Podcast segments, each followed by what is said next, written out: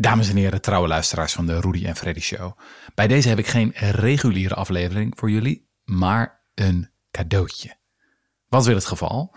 Twee van mijn geweldige collega's, Maite Vermeulen en Michael Goslinga, hebben een rammer van een podcastserie gemaakt, die ik heel graag met jullie wil delen. Het gaat over zeecontainers. Vrijwel alles wat je om je heen ziet, aanraakt, ruikt of hoort, dat was er niet geweest zonder die stalen doos. De container bepaalt dat we in de winter mango's kunnen eten. Toch vrij geniaal. En dat een tandenborstel niet meer dan 2 euro kost. Relaxed, maar achter die geribde wanden van de container schuilt een machtsspel waarin slechts een paar partijen aan het langste eind trekken. Partijen die jouw hele materiële leven in handen hebben, zonder dat je ze kent. Die een gigaklimaatimpact hebben, die nauwelijks belasting betalen, die alles te maken hebben met de huidige inflatiecijfers en die de werkomstandigheden van miljoenen mensen bepalen. Je dacht dus misschien dat zeecontainers een tikje saai zijn, maar ze zijn vet fascinerend. Nou, in die vierdelige podcastserie Containerbegrip, lekkere titel of niet, nemen Maite Vermeulen en Maaike Gossinga je mee naar de verborgen wereld van de container.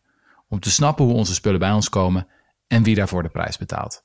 Nou, wij van de Rudy en Freddy Show bevelen deze podcast van harte aan. Bij deze volgt de eerste aflevering en je kunt de andere drie luisteren in het podcastkanaal van de correspondent. Veel luisterplezier.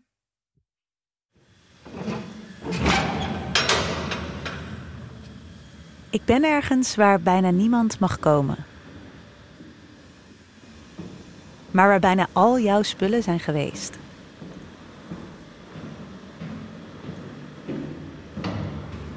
Ik ben Maite Vermeulen. En dit dit is Maaike Goslinga. Oh, dit is een grote. Wauw, wat leuk. Deze is veel groter dan waar we net waren. Net stonden we in, in de 20 voeter. Maaike is een ras Rotterdammer en al van jongs af aan geobsedeerd door de plek waar we nu staan. Het is er nogal onaantrekkelijk. Zou je ingezeten kunnen hebben. Stoffig, roestig en koud. Tot flatscreen tv's, tot autobanden. Maaike wordt dus warm van Oh, nog veel groter als je er zo in zit. containers. Heel diep. Die stalen dozen die onze goederen vervoeren. Nu moet ik zeggen, ik was niet meteen verkocht toen Maaike bij me aanklopte om samen een onderzoek te doen naar de wereld van de container. Maar ik had er ook nog nooit echt bij stilgestaan. Nog nooit nagedacht over hoe containers ons leven volledig hebben veranderd. Tot Maaike erover begon.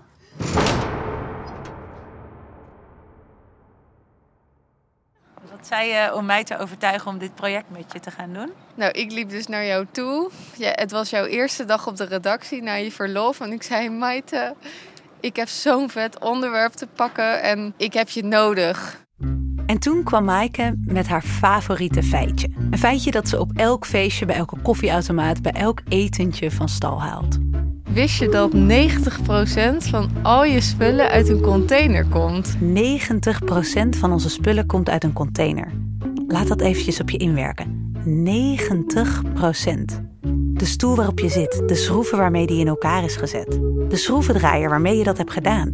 De oortjes waarmee je dit luistert, de koffiebeker waaruit je drinkt, de lamp die je uitknipt, de schoenen die je aantrekt, de deur die je achter je dichttrekt, de fiets waarop je stapt, de stoplichten waarvoor je wacht. Alles wat je maar kunt bedenken, heeft ooit in een container gezeten. En verdiep je je in die geschiedenis, dan leer je dat ons leven zoals we dat nu kennen er niet was geweest zonder zo'n stalen doos. Precies zo'n stalen doos van 5,9 bij 2,4 bij 2,4 meter. Die heeft ervoor gezorgd dat er überhaupt zoiets is als een consumptiemaatschappij, een kapitalistische wereldorde, lage lonenlanden, een geglobaliseerde economie. En toch komt de container voor in geen enkel geschiedenisboek. En weten we nagenoeg niets over de reis die onze spullen erin over de wereld afleggen. Het is een bizarre paradox. Containerschepen behoren tot de grootste door mensen gemaakte dingen op aarde. En ze zijn tegelijk totaal onzichtbaar voor bijna iedereen. Tenzij er eentje dwars ligt natuurlijk. Spektakel in het Suezkanaal in Egypte. Een van de grootste containerschepen ter wereld is daar aan de grond gelopen. Toen de Ever Given in 2021 de belangrijkste waterweg ter wereld blokkeerde, stond de containervaart ineens volop in de schijnwerpers. This is a, a real crisis right now in the Suez Canal. You know, it's no exaggeration to say that this is a critical waterway. Het ging ineens overal over hoe groot zo'n schip wel niet is, hoe nauw het Suezkanaal, hoeveel handel er in de file lag. There's really no way to overstate how important the Suez Canal is. Wars have been fought over this waterway. Als je erop gaat letten, gaat dat eigenlijk altijd zo. Als containers in het nieuws komen. Er worden wel vragen gesteld over hoe scheepsrampen gebeuren bijvoorbeeld. 277 containers dobberen sinds deze week in de Noordzee. Hoe kunnen zoveel containers van een schip afvallen? Over de gigantische prijsstijgingen die we sinds de coronapandemie hebben gezien. This continues to be an issue. Why is this sky-high ocean shipping rates? Why is that not going away? Maar de vraag die me maar niet loslaat is: hoe werkt dit systeem eigenlijk? Dit systeem van goedkoop transport, van euroknallers de halve wereld overslepen, van logistieke efficiëntie en afhankelijkheid. En willen we wel dat het zo werkt? Is de containervaart een geniale uitvinding of totaal bezopen? Of misschien wel allebei tegelijk? Het zijn vragen die elke dag belangrijker worden. Want de arbeidsomstandigheden van mensen die op schepen werken staan onder zware druk. Just go, go, go all the time. Think about the cargo and think about the ship. When you're already fatigued, sleep deprived, it's excruciating at times. En we staan voor de grootste uitdaging van de eeuw. Onze CO2-uitstoot wereldwijd terugbrengen om de aarde leefbaar te houden. 100.000 van deze schepen varen dagelijks over de wereldzeeën. Maar het zijn ook enorme vervuilers. Ze verstoken het vuilste van het vuilste. Juist nu is het belangrijk om die stalen blackbox te openen. En dus ging ik met Maaike op onderzoek uit. Dit is Containerbegrip, een podcast van de correspondent, gemaakt door Maaike Goslinga en mij, Maite Vermeulen. In deze podcast zetten we een schijnwerper op de verborgen wereld van ons goederenvervoer op zee. Om te snappen hoe onze spullen bij ons komen en wie daarvoor de prijs betaalt.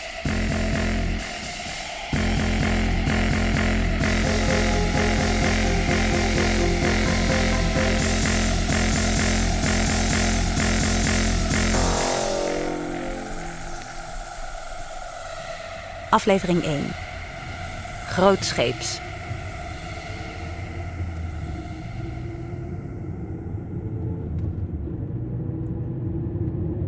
Een verhaal over de container kan natuurlijk nergens anders beginnen dan in de grootste containerhaven van Europa.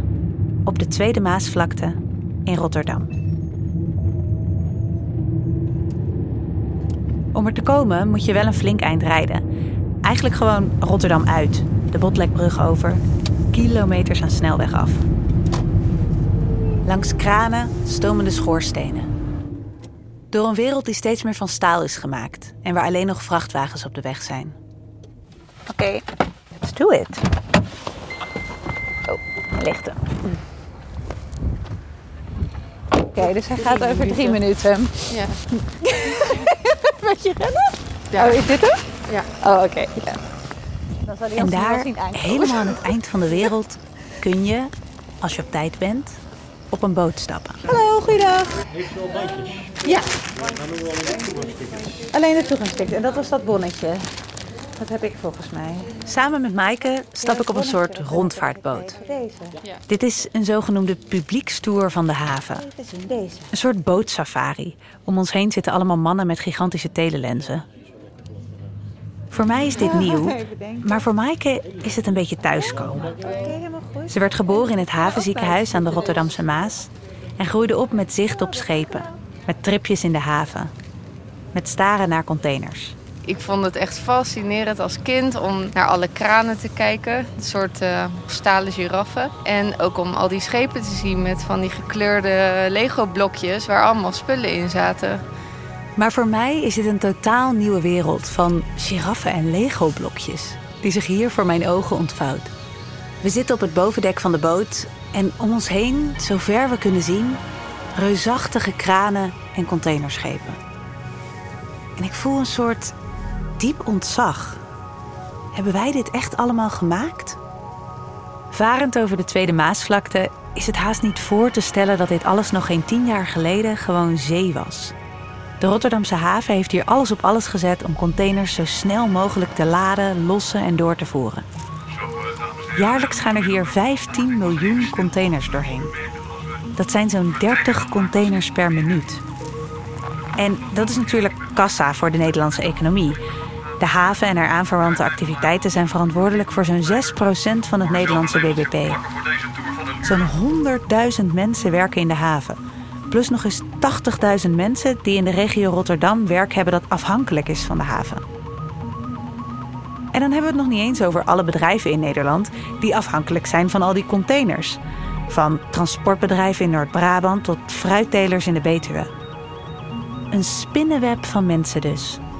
Van wie de meesten nooit een voet aan boord van een schip hebben gezet. Aan de rechterkant van het schip komt er aan de horizon een groot containerschip van Maersk Line binnen uit Denemarken. Dat is een schip met eh, 18.270 containers aan boord. Op het schip voor ons neus staan 18.000 containers. Dat zijn dus 36.000 auto's, of 1,8 miljoen wasmachines, of 3 miljoen fietsen, of 72 miljoen paar schoenen, of 173 miljoen flessen wijn, of 864 miljoen bananen, of 8,7 miljard eieren. Eigenlijk is het niet te bevatten. Maar dat is zeker niet het allergrootste schip wat er hier vandaag te zien is. Want het blauwe schip op de voorgrond van Costco Shipping... dat is een Chinees containerschip en dat is de nummer 11 van de aardbodem... met 20.038 containers. En het kan nog gekker, want later in de tour, zo'n beetje aan het einde van de tour... gaan we ook nog de nummer 2 van de aarde bekijken... met 23.964 containers. Ik schud ze zo uit mijn mouw, zoals u hoort. We zien hier voor ons ogen de recente geschiedenis voorbijvaren. Containerschepen zijn in de afgelopen tien jaar groter, groter en nog groter geworden. In het economees noemen ze het schaalvoordelen. Hoe meer containers je kunt vervoeren, hoe lager de kosten per vervoerde container. En hoe eerder je dus de gigantische investeringen om zo'n schip te bouwen hebt terugverdiend. En wij gaan een kijkje nemen bij dat grote containerschip van Maersk wat eraan komt. Hè? Want daar komt hij, kijk maar.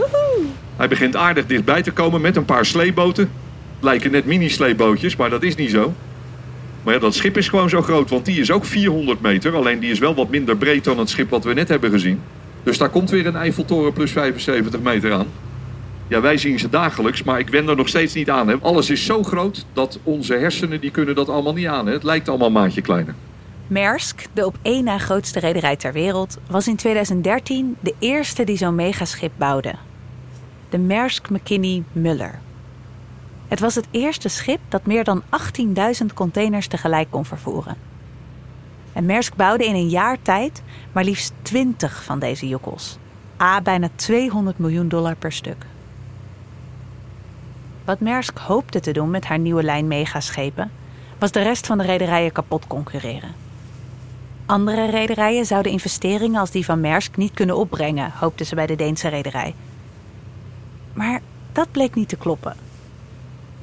De Maersk McKinney Muller werd niet het nekschot voor de concurrentie, maar het startschot voor een wedloop in de containervaart. Nou, dan gaan we naar een van de grootste containerschepen ter wereld. En die hebben we inmiddels in beeld. Hij ligt eh, recht voor ons. We gaan naar de HMM Kopenhagen met 23.964 containers. Dat is het maximum, hè, want die heeft hij niet allemaal bij zich nu natuurlijk. Is hij niet nageteld vanochtend. En die staat op dit moment op de ranglijst van de grootste containerschepen op de tweede plek. En als u dan teleurgesteld bent, nou dat hoeft niet, want de eerste plaats is voor de Evergreen Ace. En die is maar 28 containers groter. Dus als die scheelt zou liggen, zou het verschil echt niet zien. Ik probeer de schaal te bevatten van wat ik zie. En nog meer te bevatten hoe gek het is dat ik dit gewoonlijk nooit zie. Al mijn spullen komen hier vandaan. En ik ben me er nooit bewust van.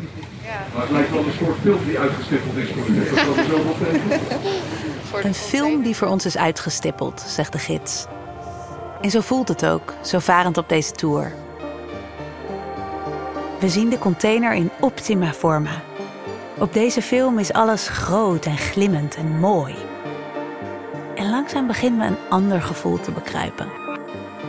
Een gevoel dat hier ook iets heel erg mis is. Deze film is prachtig, maar ook plat. Alsof ik staar naar het bordkartonnen decor van onze samenleving. Een decor waarin alles efficiënt, geautomatiseerd, smooth is. Een decor zonder rauwe randjes. We zullen dieper de containerwereld in moeten om een 3D-beeld te vinden. Om te merken waar dat staal misschien ook schuurt. Om te vinden wat we hier in deze film niet te zien krijgen.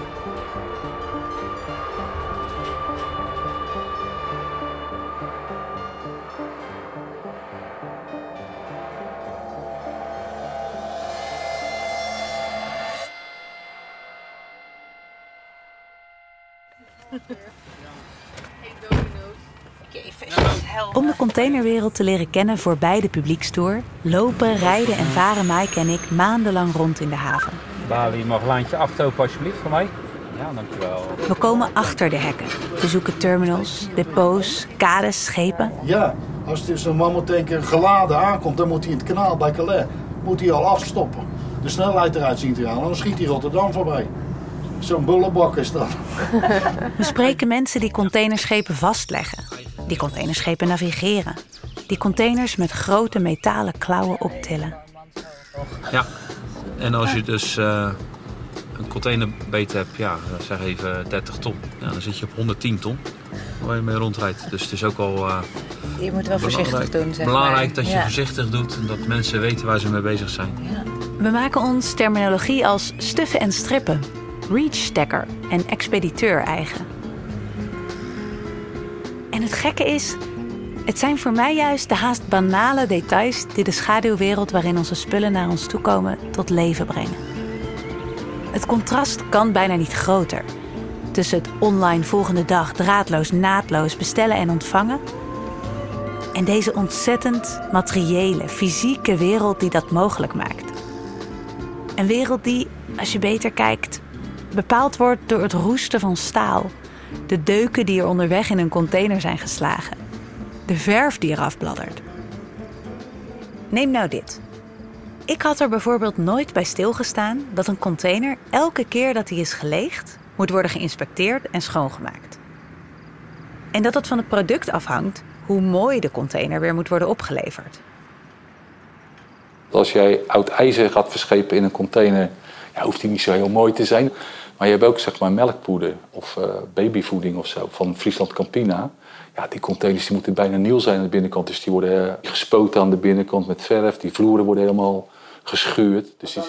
Of bijvoorbeeld dat koelcontainers, de koelkastvariant van ons transportsysteem, elke keer dat ze onderweg gaan een soort APK krijgen. Er gaan wel eens hele dure spullen natuurlijk mee. Mm. Ik bedoel, eh, als jij zo'n zo'n eh, zo'n koelcontainer helemaal vol stopt met eh, heel eh, duur Argentijns eh ossehaasvlees, nou, dan zit er wel voor 100.000 euro aan, eh, Ja, ja, ja. Oh, ja. aan goederen in. Niet eh, zomaar uitvallen. Eh, nee, maar dat wil je ook niet dat dat natuurlijk ontdooit onderweg. Ja. Of neem het feit dat dat onverwoestbare metalen ding wel eens een gat heeft. En dat er mensen zijn wiens baan het is om die dingen te repareren. Zoals Jeffrey van 27, die we ontmoeten met een schroefboormachine ter grootte van een brandblusser in zijn hand. Nou, ik heb nu al net deze bak net gedaan. Nou, net alle vloerschroeven heb ik erin gezet. Nou ja. ga ik ze allemaal vastzetten. Als die vastzit, dan ga ik alle randjes netjes afkitten, uitvegen. En dan is die ook weer eh, klaar voor de gebruik. Want hier zat een gat in de vloer. Ja, daar waren ze doorheen gezakt. Soms doen ze hem net te zwaar overbeladen, in ieder geval de heftruck dan. En de heftruck zakt er dan doorheen.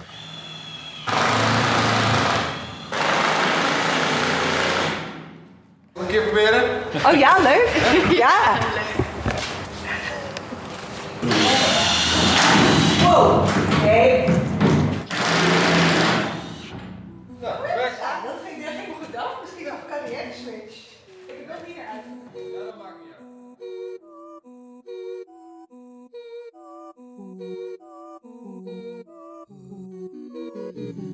uit. Maar voor beide banale details over roest en schroeven en kranen begin ik ook een menselijk verhaal te zien. Wat ik me nooit had gerealiseerd is hoe snel de container havenarbeiders heeft vervangen en de haven uit de stad heeft weggetrokken. Want die grote schepen die kunnen niet meer in hartje Rotterdam aanmeren. Die hebben de diepe vaargeulen vlakbij zee nodig. Waar ooit de haven was, zijn hier en daar nog wel traditionele havenkroegen overgebleven. En daar zitten nu alleen nog 65-plussers aan de toog met verhalen over vroeger. Zoals Daan. 2 mei 76 was de eerste werkdag hier zo. Dat eh, was op zondag. En toen zei mijn vader, we gaan een bakje koffie drinken. Maar dat is de, in de loop der tijd is dat veranderd. Het is een biertje geworden. Dus, dus dan kom ik ook al eh, 46 jaar. Nog een paar dagen in de haven en dan zit het werk erop. Dan is Daan gepensioneerd haventruckchauffeur. Hij reed containers die door de kranen van boord waren getild naar het stek. Dat zijn de stapels containers op de kade. Wat, heeft, wat is het meest veranderd in uw werk in al die jaren? Het, eh, het contact met, eh, met de chauffeurs. En het is allemaal eh, via de computer. En, eh, eh, ze zetten de trailer eh, op de kade. Ze wordt de kade af. Als ik hem van boord af heb gehaald en op een plek heb gezet. Mogen ze erop komen. Vroeger had je contact. Dan kreeg je nog eens een kop sla. Of dan kreeg je nog een bosje bloemen van die chauffeurs. Waar wij ze van. Maar dat, dat heb je niet meer. Je hebt helemaal geen contact meer. Het is, Om hem heen werd door de jaren heen alles geautomatiseerd. Geen mensen meer, maar computers om mee te praten. Geen havenwerkers, maar zelfrijdende trailers. Uw baan is nog niet geautomatiseerd. Nog niet, nog niet helemaal. Je hebt, eh, bij sommige bedrijven is dat wel zo. Dan die trailers vanzelf aan boord gaan en eh, vastgezet worden. En met die speciale bokken. Maar dat is, eh, dat is nog niet zo. Nog niet. Maar dat zal- gaat ook wel gebeuren, denk ik. Net op tijd eruit dan. Ik ben er op tijd uit. Ik heb alles meegemaakt. Het is, het is genoeg zo, toch? Inderdaad, deze man heeft alles meegemaakt. In één generatie is zijn stad, zijn haven, zijn werk en het wereldwijde transportsysteem volledig veranderd. En dat allemaal dus door die metalen doos. Maar zo'n geautomatiseerde wereld van staal kan je ook zomaar op het verkeerde been zetten. Je denkt al snel dat automatisch ook efficiënt betekent. En dat groots gelijk staat aan beter. Maar als we navragen wat nu het meest vervoerd wordt per container, zet het antwoord dat idee helemaal op zijn kop. Dat antwoord is namelijk lucht. Maar liefst 40% van de containers die wereldwijd vervoerd worden, is leeg. Op sommige routes is dat percentage nog veel hoger. De wereldeconomie is namelijk niet in balans. We importeren in Europa veel meer spullen uit China en andere Aziatische landen dan we daarnaar terug exporteren. En dat levert dus deze gekke situatie op. Containers komen vol uit Azië naar Europa, maar gaan heel vaak leeg weer terug. We slepen de halve wereld over met lucht. En wat rijdt hier nu voor ons langs? Dat is een, eh, een empty handler. En eh, die kunnen, eh, het woord zegt het al hè, Lege empty. Die kunnen alleen lege handelen. containers handelen. En deze En dat maakt het systeem vreselijk kwetsbaar. Toen aan het begin van de coronapandemie havens in China sloten door lockdowns, begonnen lege containers zich in Europa en met name in de VS op te hopen. In Los Angeles stonden de containers letterlijk in de straten. Zo weinig plek was er in de haven. Maar in China hadden ze die lege containers juist hard nodig voor de handel die daar stond te wachten op transport. Gevolg, de prijzen van containervervoer gingen door het dak. Een container van Shanghai naar Rotterdam sturen was eind 2021 zeven keer zo duur als het jaar daarvoor. En dat is natuurlijk voor één speler in de keten heel fijn. De eigenaars van die containers. Oftewel de rederijen. De tien grootste rederijen behaalden in 2022 een geschatte winst van, hou je vast, 223 miljard dollar. Dat is meer dan het BBP van, zeg, Griekenland of Qatar. En hoe vaker ik in een galmende container stond of onder een bewegende kraan, Ja, Harry. Jij nog een container pakken toevallig? Tanken van een containerschip heb bijgewoond, een container open en dicht heb gedaan, hoe meer ik die container in 3D in beeld kreeg, hoe meer ik begon te zien wat ik in de film op die publiekstour niet zag. Wat Maaike al lang aanvoelde toen ze me vroeg dit onderzoek met haar te doen. Dat de container een vorm is van macht.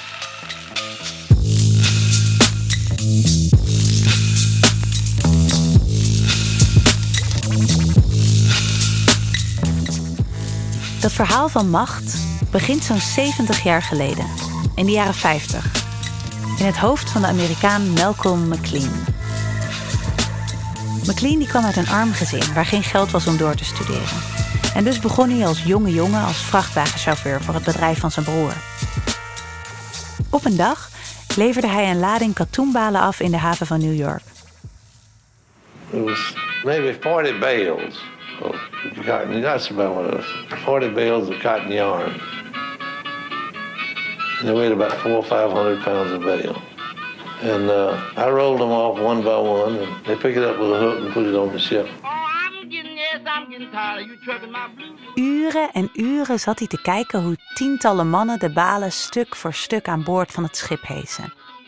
Het kostte in die tijd soms wel drie weken om een schip te laden en te lossen.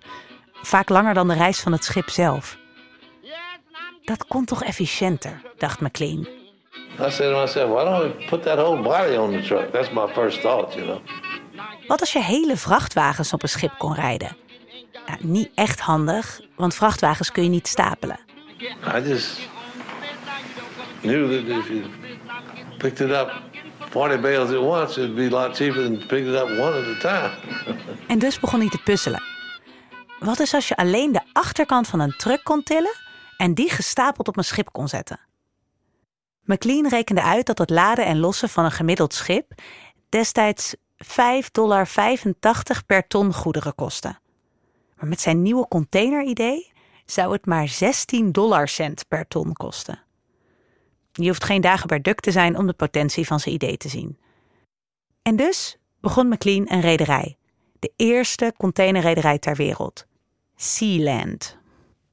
Op 26 april 1956 voer zijn eerste schip, de Ideal X, van Newark in New Jersey naar Houston, Texas. Meer dan 2500 kilometer verderop. Aan boord 58 containers.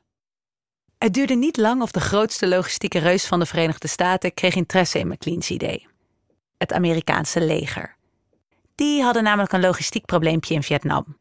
Ze hadden veel sneller materieel nodig voor de escalerende guerrillaoorlog dan ze konden krijgen. En McLean kon dat helpen oplossen. Some of the more notable innovations in solving the logistical problems in Vietnam have been in the field of containerization. Here we see a Sea-Land ship which transports 500 containers.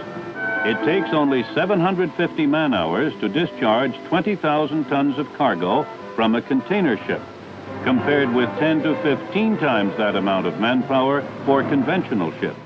In Vietnam bewees de container zich als internationaal handelsmodel. En wat volgde is in de geschiedenis van internationale relaties eigenlijk ongekend. Ik bedoel, we kunnen het bijna nooit ergens over eens worden in de wereld. Maar de container? Binnen een paar jaar werd er een wereldwijde standaardmaat voor containers afgesproken en werd infrastructuur over de hele wereld daarop aangepast. Je kunt het zo gek niet bedenken of onze leefomgeving is bepaald door de maten van die doos. De breedte van wagons, van sporen, de breedte en lengte van sluizen, de hoogte van viaducten. De kosten voor wereldwijd transport kelderden. Van gemiddeld meer dan 15% van de verkoopprijs van een product naar minder dan 1%. Het opende allerlei nieuwe mogelijkheden voor bedrijven om spullen te produceren in verre landen, waar de lonen laag waren.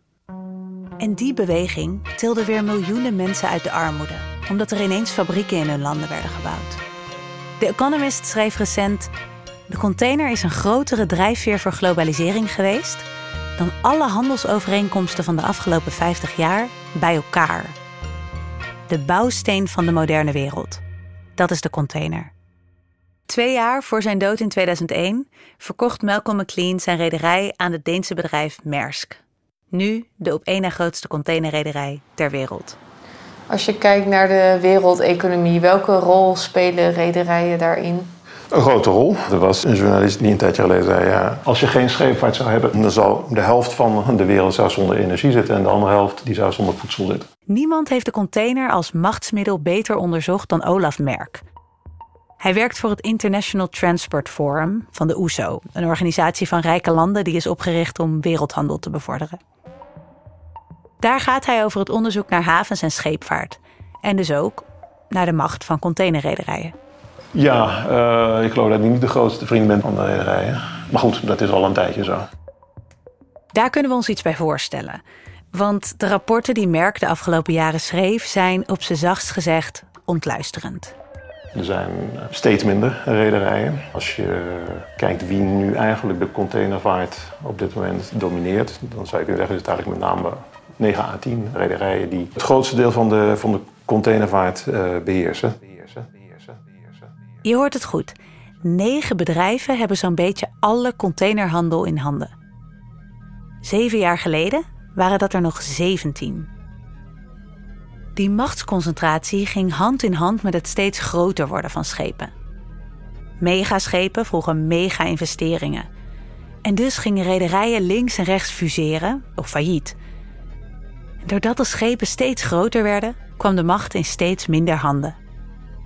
En omdat die containerwereld zo'n fysieke wereld is, kom je er ook niet zomaar tussen. Er is geen open source versie van een container. En je bouwt niet zomaar voor een paar tientjes een eigen containerschip. De negen rederijen die de containers en de megaschepen bezitten, hebben de macht over onze wereldeconomie. Punt. Maar het wordt nog gekker. En daarnaast werken ze ook heel erg met elkaar samen. Dus het is ook ja, een soort een concentratie waarbij de, de topspelers allemaal met elkaar samenwerken. Juist. Die negen topspelers, die er nu nog maar over zijn in de containervaart, werken sinds een paar jaar ook nog eens met elkaar samen. Dat doen ze in drie zogenoemde allianties: 2M, Ocean en THE. Deze drie allianties hebben samen 80% van het wereldwijde containervervoer in handen. Hoe werken die topspelers samen? Die werken samen via het poelen van schepen. Dat werkt zo. Stel, ik ben rederij Maiten en ik wil een wekelijkse lijndienst aanbieden met containerschepen tussen Shanghai en Rotterdam. Daar heb ik heel veel megaschepen voor nodig. Ga maar na. Die schepen doen ongeveer 3 à 4 weken over de heenreis, moeten laden en lossen, lopen soms wat vertraging op en moeten weer 3 à 4 weken terugvaren. Wil ik één schip per week uit Shanghai laten vertrekken, dan heb ik al snel een stuk of 10 schepen nodig. Maar 10 megaschepen, dat kost me belachelijk veel geld. Wat dus als rederij Maite nu eens gaat samenwerken met rederij Maaike en rederij Corrie? Ik betaal bijvoorbeeld drie schepen, Maaike 3, Corrie 3. En we spreken met elkaar af dat we containers op elkaar schepen mogen vervoeren. Zo kunnen we allemaal een wekelijkse service aanbieden aan onze eigen klanten, zonder zelf te moeten lappen voor alle schepen. Dit is hoe allianties in de containervaart werken. Gaat het hier eigenlijk over monopolievorming? Ja, als je het hebt over containervaart, is dat wat mij betreft een van de belangrijkste problemen. Maar waarom is dit eigenlijk een probleem? Door de allianties kunnen er gigaschepen gebouwd worden die het vervoer van containers steeds goedkoper maken. Fijn voor de consument, toch? Heb ik hier baat bij? Nou, dat is de grote vraag. Is het goedkoper voor de consument? Op zich zijn er natuurlijk altijd schaalvoordelen. En dat is natuurlijk ook een van de redenen waarom die containerschepen steeds groter zijn geworden. Het probleem is dat een heleboel van dat soort kosten dat die uiteindelijk worden afgeweld op de samenleving. Een heleboel van de aanpassingen in havens die, die, moeten plaatsvinden omdat die schepen groter zijn geworden. Dus dat betekent dat je containerterminal dat die groter moet, of dat je hogere kraan moet hebben, of nou ja, dat je bepaalde ja, kanalen of rivieren dat je uit moet baggen, of dat je meer achterlandverbindingen moet hebben, omdat je een hogere piekbelasting hebt, dus dat je het allemaal snel, snel kunt verwerken enzovoort. De kosten die havens moeten maken om megaschepen binnen te laten, worden niet doorberekend in de prijs van het transport, zegt Merck. Die komen op rekening van de belastingbetaler. En tegelijk betalen de rederijen zelf nauwelijks belasting. En daar hoeft geen brievenbusfirma aan te pas te komen.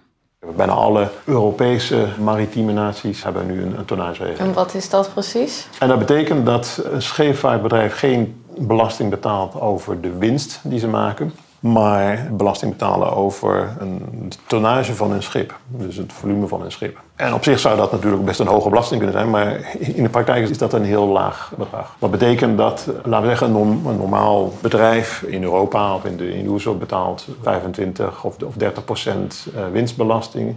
Als je kijkt naar de scheepvaartbedrijven, is dat meer in de orde van grootte van uh, tussen de een half procent of 2 procent. En de kostenafwenteling gaat verder dan dat. Want Rotterdam is ook een van de steden met de slechtste luchtkwaliteit van Nederland. Dankzij de ronkende scheepsmotoren in de haven en de files van containers die eraf komen. Als je alle schepen op één plaats concentreert, dan krijg je natuurlijk ook een concentratie van bijvoorbeeld van luchtvervuiling. Ja, als het gaat om luchtvervuiling, het heel vaak gezondheidssystemen, de, de, de zorgsystemen in landen of in steden die, die daar uiteindelijk voor opdraaien. Dus zo zijn een heleboel van dat soort kosten die scheepvaartbedrijven hebben, nou ja, uitgesourced, zou je kunnen zeggen. Die, die, die uiteindelijk natuurlijk wel in het hele plaatje moeten worden meegenomen. Dus dan kun je zeggen, ja, het is uiteindelijk goedkoper geworden om die container van China naar Rotterdam te vervoeren. Uh, maar tegelijkertijd zijn er een heleboel andere kosten die omhoog zijn gehaald. Onze conclusie is dat nee, dat dat niet per se in het belang van de consument is. Uh, waarom gebeurt het? Dat gebeurt met name omdat uh, de rederijen zelf daar, daar belang bij hebben. En dat belang van de rederijen, daar is dus heel moeilijk tegenin te gaan. Neem havens bijvoorbeeld. Als een alliantie hen vraagt te investeren in hogere kranen, sterkere kades of bredere vaargeulen, dan kunnen ze dat eigenlijk niet weigeren. Je ziet dat met name de middelgrote havens, dat daar altijd de slachtoffers vallen. Dat dat de havens zijn waar rederijen kunnen kiezen. Dus er zijn flink wat gevallen waar havens, containerhavens hebben geïnvesteerd, maar uiteindelijk genegeerd worden door rederijen. We hebben bijvoorbeeld in Malaga in Spanje, dat was een van de havens waar die dachten dat ze mee zouden kunnen gaan doen. Ze flink geïnvesteerd. En uiteindelijk zegt de rederij die hun daartoe gebracht heeft, oh, die zegt ja, nou, uiteindelijk doen we het toch niet, want we gaan eigenlijk liever ook naar Tangimet, naar Marokko. En dat soort voorbeelden zijn er volop. Zit je daar als Malaga met je hoge kranen en nieuwe spoorwegen en geen containerschip te bekennen? Als haven moet je dus wel mee in de vaart der megaschepen. Op de publiekstoer in de Rotterdamse haven werd daar vooral enthousiast over verteld. Maar we willen natuurlijk wel blijven groeien in de haven van Rotterdam. Hier komen dus nieuwe kaders om straks 20 miljoen containers te kunnen laden en lossen. En dat moet over een jaar of twee klaar zijn. Dat klinkt mooi, maar eigenlijk horen we keer op keer in de Rotterdamse haven dat die piekbelasting van megaschepen helemaal geen pretje is. Zoals van deze directeur van een empty depot waar lege containers wachten op hun terugreis. Ja, die, die piekmomenten die waren vroeger gewoon kleiner. En dat ging dat geleidelijk. En toen hadden we ja, helemaal geen last van files. En nu hebben we wel een paar keer per week hebben we hier wel file. Iedereen die een container aan boord heeft, wil die zo snel mogelijk hebben. Truckchauffeurs rijden af en aan, kraanwerkers draaien overuren, vrachtwagenchauffeurs staan uren in de file. Nou, dat creëert soms best wel chaos. En die chaos, daar hebben rederijen weinig last van. Maar eigenlijk alle andere spelers in de transportketen wel. Dus havens, daar heeft het een grote impact op. Het heeft ook een impact op de klanten. Want heel vaak blijkt dat het eigenlijk dus maar drie groepen zijn waar ze, waar ze uit kunnen De kiezen. klanten zijn in dit geval de mensen die de spullen in de containers vervoerd willen zien. eh. Ja, precies. Ja, ja, ja. Dat zijn de, de bedrijven die importeren of die exporteren. En voor die klanten is de service er met de komst van de allianties eigenlijk alleen maar op achteruit gegaan, zag Merck in zijn onderzoek. Dus er zijn minder directe verbindingen. De diensten zijn niet heel Betrouwbaar. betrouwbaar als het gaat om aankomsttijden enzovoorts. Er worden steeds minder havens aangedaan. Dus de dienstverlening voor het Europese bedrijfsleven is een stuk minder geworden. Toch klinkt het ergens best gek dat die grote rederijen zoveel invloed kunnen hebben. Is er niemand die die macht eigenlijk aan perken stelt? Ja, op zich zou je zeggen dat is de taak van een competitieautoriteit, van een concurrentieautoriteit. En in Europa is dat de TG Concurrentie, de Directoraat-Generaal voor de Concurrentie van de Europese Commissie, die, die dat in principe zou moeten doen. Maar die dat nou niet echt heel hoog op zijn agenda heeft staan. Hoezo?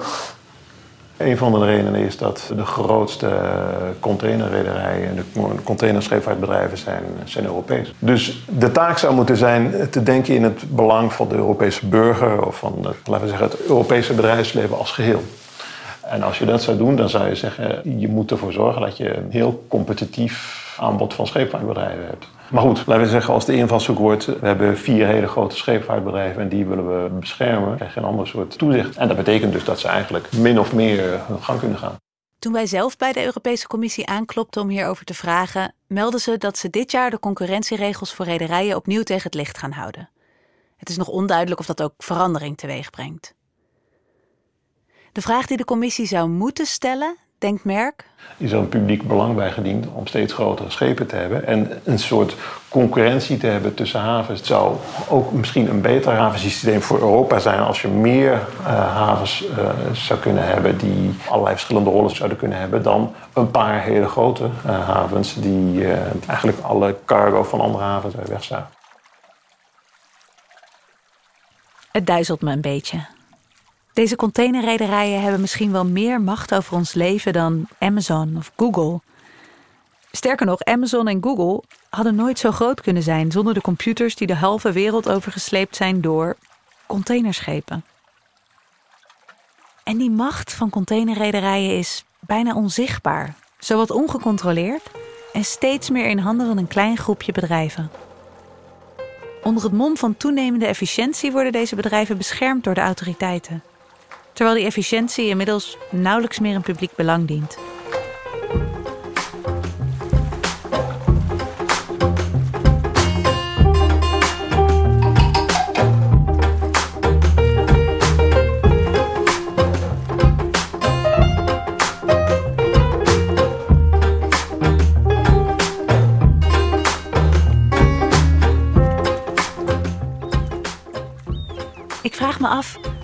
Als het de containerrederijen zijn die de spelregels van onze wereldeconomie bepalen, wat levert dat dan voor spel op?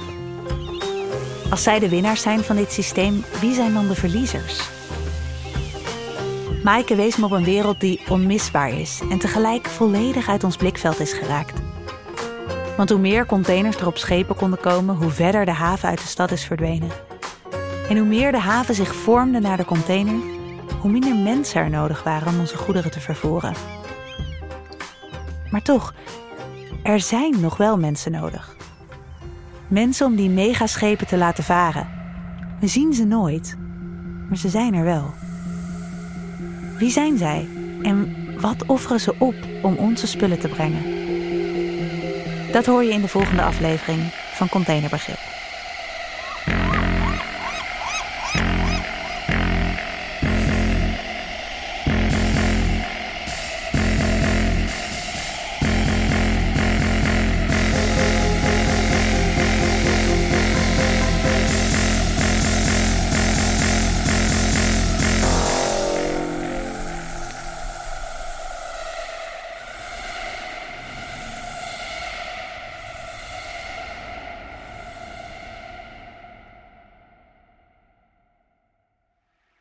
Volgende week in Containerbegrip.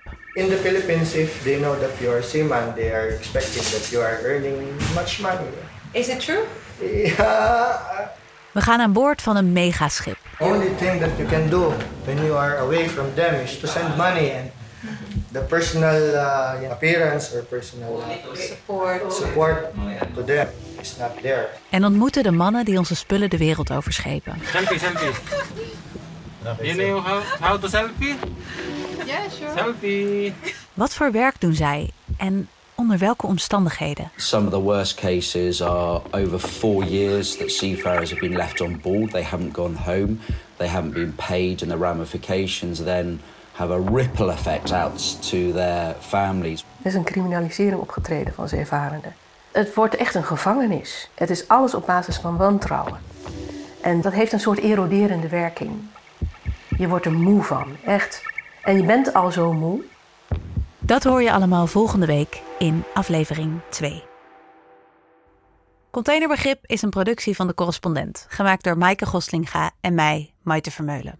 Wat kost dat eigenlijk per dag om hier een container op te slaan? Bij ons staat er zeg maar niemand onder de 50 cent per dag. Dat is dan een beetje de richtlijn. Het 50 cent per teu per dag eh, betalen ze dan. Dus dan moet je voor zo'n 40 voets container betalen. Dus een euro per dag.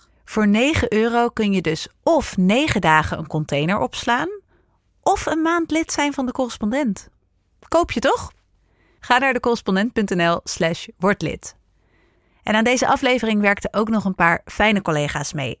De montage en het sounddesign werden gedaan door Jacob Brantel en Julius van Eiperen, die ook de mixage deed. Eindredactie Jelena Barisic. Factcheck Riffy Bol. En met dank aan Valentijn de Hing, Rosan Smits, Lin Berger en Mirke Kist van Audiocollectief Schik. Tot volgende week!